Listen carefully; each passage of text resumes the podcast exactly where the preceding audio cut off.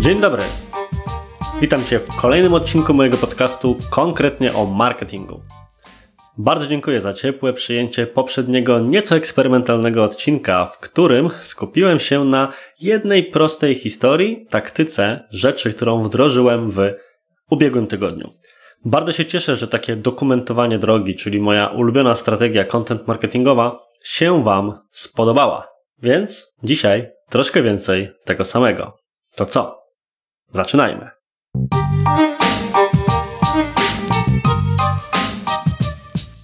Dzisiaj chciałem podzielić się z Wami pewną historią, która z jednej strony dotyczy ciągle obecnej w naszym życiu pandemii, a z drugiej jestem w stanie na jej podstawie powiedzieć trochę w jaki sposób ja podchodzę do tworzenia kontentu w mediach społecznościowych, kiedy jestem pytany podczas konsultacji, szkoleń, kursów czy w jakiejkolwiek innej sytuacji o jakąś prostą poradę, którą mógłbym udzielić w zakresie tego, co publikować w mediach społecznościowych i nie tylko.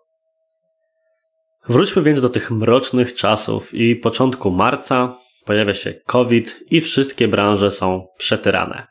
Do mnie z kolei zgłasza się znany mi trener personalny z Warszawy, którego z imienia i nazwiska nie będę wymieniał. Ten trener do tej pory pracował w standardowy trenerski sposób, czyli ćwiczył ze swoimi klientami bezpośrednio na sali. W przeciwieństwie do innych trenerów, którzy coraz częściej próbują i słusznie budować swoją prezencję również w świecie online i wchodzą właśnie w prowadzenie klientów online, ten nastawiał się bezpośrednio na ćwiczenia na sali. I okej, okay, jego wybór. Jest to jak najbardziej w porządku strategia, do, przeciw której nic oczywiście nie mam.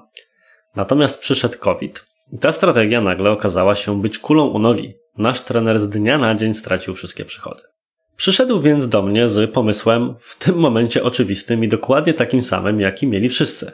Chciałbym przejść ze swoim biznesem online. Powiedz mi, Artur, jak mam odpalić reklamę na Facebooku, żeby skonwertować ludzi na klientów? W jaki sposób zarówno swoje obecne portfolio klientów przekonać do tego, żeby zaczęli ze mną ćwiczyć online, jak również co zrobić, żeby osoby, które do tej pory ze mną nie ćwiczyły, a jedynie mnie obserwowały, skusiły się na tę formę współpracy. Jego pomysł, tudzież jego oczekiwania względem mnie było takie, żebym powiedział mu z jednej strony, w jaki sposób po prostu ustawić tę reklamę od strony technicznej, czy od strony ustawień grupy docelowej, a z drugiej strony, co napisać w tekście reklamy, żeby zachęcić. Myślę, że ten nienazwany trener spodziewał się po prostu, że ja w tym momencie powiem mu, słuchaj, musisz tutaj napisać ćwicz z nami, żeby otrzymać sześciopak w sześć tygodni. Tak jak się to dzieje na przykład na okładce co drugiego Men's chyba. W ogóle taka myśl poboczna, ja mam często wrażenie, że w tym Men's Healthie to są cały czas przedruki dokładnie tych samych artykułów i zawsze jest to sześciopak w sześć tygodni, tylko zmienia się model na okładce. Ale wróćmy do naszej docelowej historii. Gdybym był przeciętnym specjalistą od reklam na Facebooku, czy po prostu osobą, która nie zdaje sobie sprawy jeszcze, w jaki sposób zabrać się za projekt tego typu, to pewnie to byłoby to, co, zgodnie ze sztuką zresztą, bym zrobił. Przygotowałbym kilka tekstów napakowanych korzyściami, czyli jak bardzo urośnie Twój biceps, kiedy zaczniesz ćwiczyć z znanym mi trenerem online i uruchomił odpowiednio targetowane po Warszawie reklamy na Facebooku. Tyle, że to nie do końca zadziała, dlatego że w tym wypadku musimy przekonać kogoś do zupełnie nowej formy ćwiczeń. I tu pojawia się moja strategia, którą stosuję wszędzie. Wdrażam ją zarówno u siebie, jak i u naszych klientów, jak i jest to jedno z pierwszych pytań, które zadaję ludziom w kontekście każdego możliwego szkolenia, od copywritingu po media społecznościowe. To pytanie brzmi, dlaczego klienci od ciebie nie kupują? Jakie mają obiekcje? Jakie mają wątpliwości? Co sprawia, że jeszcze nie zamówili od ciebie nic albo nie współpracują z tobą na zasadach B2B? Moim zdaniem obiekcje to najpotężniejsza broń w arsenale content marketera czy social media managera. Wystarczy wziąć obiekcje klientów i zacząć się zbijać. To jest dokładnie to, co poradziłem temu konkretnemu trenerowi. To, nad czym musieliśmy się zastanowić, to dlaczego ludzie nie chcą trenować zdalnie z trenerami, z którymi trenują na siłowni. Okazało się, że powodów jest na przykład kilka. Jednym z nich może być to, że boją się, że nie będą umieli poprawnie technicznie wykonywać tych ćwiczeń, bo nikt nie będzie ich doglądał i zrobią sobie krzywdę. Inny powód, myślę, że taki, z którym wielu z nas, w tym ja, zmaga się dzień w dzień, to obawa, że nie znajdą przed sobą, tudzież w sobie motywacji, żeby zacząć ćwiczyć w domu, jeżeli nie będą mieli tego całego rytuału związanego z wyjściem, przybraniem się i w ogóle. Jeszcze inna obiekcja, może i będę miał program treningowy, ale skoro mogę ćwiczyć o dowolnej porze, bo siedzę w domu, to czy właściwie mogę się za to zabrać? Każda z tych obiekcji to gotowy materiał na post, film, stories. Miejsce jest dowolne. Tak naprawdę, czy format jest dowolny, tak naprawdę liczy się treść, którą chcemy ją wypełnić. Reszta to kwestia egzekucji tego od strony technicznej. Okazało się, że zastanowienie się nad listą obiekcji przywiodło nas na naprawdę ciekawe wnioski. Na przykład stwierdziliśmy, że jednym z elementów oferty będzie rzecz następująca.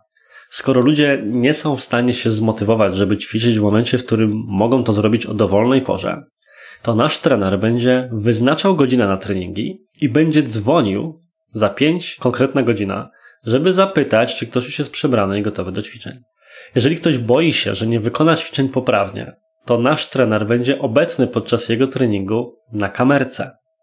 Wystarczy odpalić laptopa, postawić go tak, żeby było w miarę widać osobę ćwiczącą i już pewien feedback możemy w tym momencie dać. Oczywiście nie zastąpi to treningu na siłowni, ale jest to lepsze niż na przykład garbić sobie plecy przy martwym ciągu. Jakkolwiek martwy ciąg jest raczej do, nie do zrealizowania w domu, ale rozumiecie o chodzi. Lepszy ryc niż nic w tej konkretnej sytuacji. I co się okazało? Wystarczyło kilka sponsorowanych postów, które miały dokładnie taką treść. W pierwszym momencie adresowały, jaka jest obiekcja, a następnie ją zbijały, żeby przekonwertować część klientów, zarówno w rozmowie na Messengerze, jak i zdobyć nowych klientów już bezpośrednio z tych sponsorowanych reklam na prowadzenie online. Stąd bardzo mocno polecam Ci, żeby szukając pomysłów na treści w swoich mediach społecznościowych, zastanowić się nad obiekcjami klientów i po prostu zacząć na ten temat publikować treści. Bardzo często jest tak, że publikujemy różne treści, które uważamy za ciekawe, ale niekoniecznie są one związane po prostu z tym, czym się zajmujemy. Są to treści owszem na temat branży, ale czy przemycamy w nich nasz produkt, naszą ofertę? Nie zawsze jest taka możliwość. Posty o obiekcjach są z tego powodu fantastyczne, ponieważ z jednej strony mają za sobą jakąś angażującą historię czy problem, interesujący z perspektywy użytkownika, a jednocześnie, skoro ten problem poruszają i te obiekcje zbijają, są jak najbardziej sprzedażowe. może się je wymieszać z standardowymi reklamami, na które ja mówię reklamy typu kup pan cegłę, czyli po prostu informacja o produkcie i lista korzyści, dla których warto z niego korzystać. Ale korzyści z kolei to już temat na zupełnie inny odcinek. I to tyle na dziś. Chciałem właśnie zachęcić Cię do nowego stylu myślenia o treściach, jakim jest myślenie przez pryzmat pracy na obiekcjach. Jest to w ogóle ćwiczenie, które warto wykonać na wiele sposobów, wiele razy i do niego wracać. Mam nadzieję, że ten odcinek, choć krótki, był dla Ciebie co najmniej tak samo wartościowy jak inne poprzednie. Daj mi znać, czy to na maila, czy w wiadomości prywatnej, czy gdziekolwiek indziej możesz mnie złapać. Każdy feedback bardzo chętnie przejmę. Jeżeli jeszcze tego nie zrobiłeś, to zachęcam Cię do subskrybowania tego podcastu. Jest on dostępny w Apple Podcast, Google Podcast, Spotify, w zasadzie na każdej platformie. A jeżeli jeszcze byłbyś tak dobry, bądź byłabyś tak dobra, żeby zrecenzować go, wystawić mu ocenę, to byłbym jeszcze bardziej wdzięczny, ponieważ dzięki temu jestem w stanie docierać do coraz większego kręgu czytelników i słuchaczy. A co by nie mówić, umówmy się, na tym mi też zależy. Bardzo Ci dziękuję za wysłuchanie i do usłyszenia w kolejnym tygodniu. Cześć!